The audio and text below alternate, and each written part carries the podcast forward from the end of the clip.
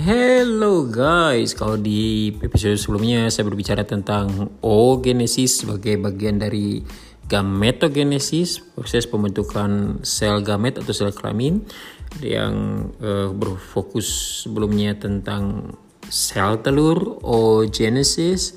Maka kali ini dalam episode ini kita akan mengingat-ingat tentang spermatogenesis.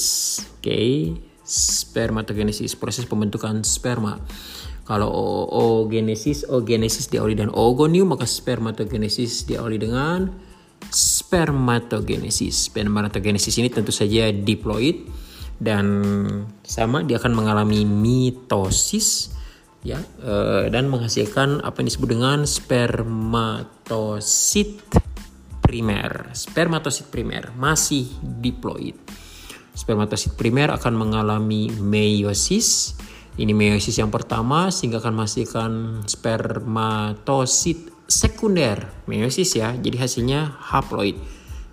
Spermatogonium, spermatosit primer, spermatosit sekunder. Nanti spermatosit sekunder akan mengalami kembali meiosis. Ini meiosis yang kedua sehingga akan menghasilkan empat sel spermatid. Kalau uh, oogenesis uh, nantinya hasilnya produknya hasil akhirnya itu yang fungsional cuma satu ya sel telur uh, nya cuma satu ditambah tiga badan polar. Nah kalau sperma enggak nih akan dihasilkan empat spermatid yang kemudian masing-masing spermatid akan berdiferensiasi sehingga akan dihasilkan empat spermatozoa. Oke, okay.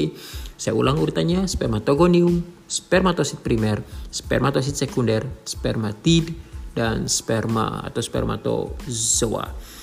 Thanks for listening. Goodbye everyone. God bless you all.